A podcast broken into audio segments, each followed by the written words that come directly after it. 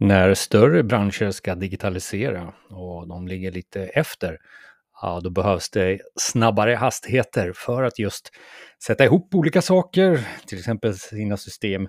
Men det handlar väl också mycket om innovationsförmågan nu när klimatomställningen är på alla släppar. Klimatomställningen ställer ju krav på digitalisering. Det är en våldsam resa som hela e-branschen gör just nu. Jag är i samtal med Niklas Sigholm i, i eh, Effekten, podden om eh, digitalisering, avsnitt 174. Finns bland annat här på Spotify. Sök upp effekten. Men eh, det här är en minut om just det här med den rasande takten från Niklas.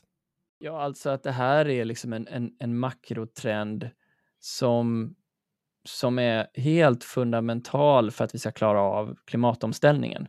Jag tänkte på det när du började det här, så att ja, nu har vi klimatarbetet som driver på det. Alltså det, det, är ju, det är ju naturligtvis att i grund och botten ligger det där, men nu börjar vi se Liksom, vi, ser, vi ser reglerande krav på det. Alltså vi, vi, vi, tror att 2035, då får vi inte släppa ut något fossilt längre. Och Det är en våldsam resa i våra anläggningar för att kunna göra det.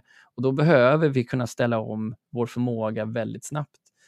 Um, så det är, väl, det, är väl, det är väl det jag tänker på, liksom, att en sån här stor om komplex bransch ska ställa om så fruktansvärt fort. Um, för den är i navet av hela samhällets klimatomställning. När vi går från att, att du och jag släpper ut 9 ton koldioxid per år till att vi ska släppa ut 1 ton koldioxid per år, så, så förstår vi liksom hur stor den resan är och då vill helst inte du och jag att vår livskvalitet ska påverkas under tiden vi gör det.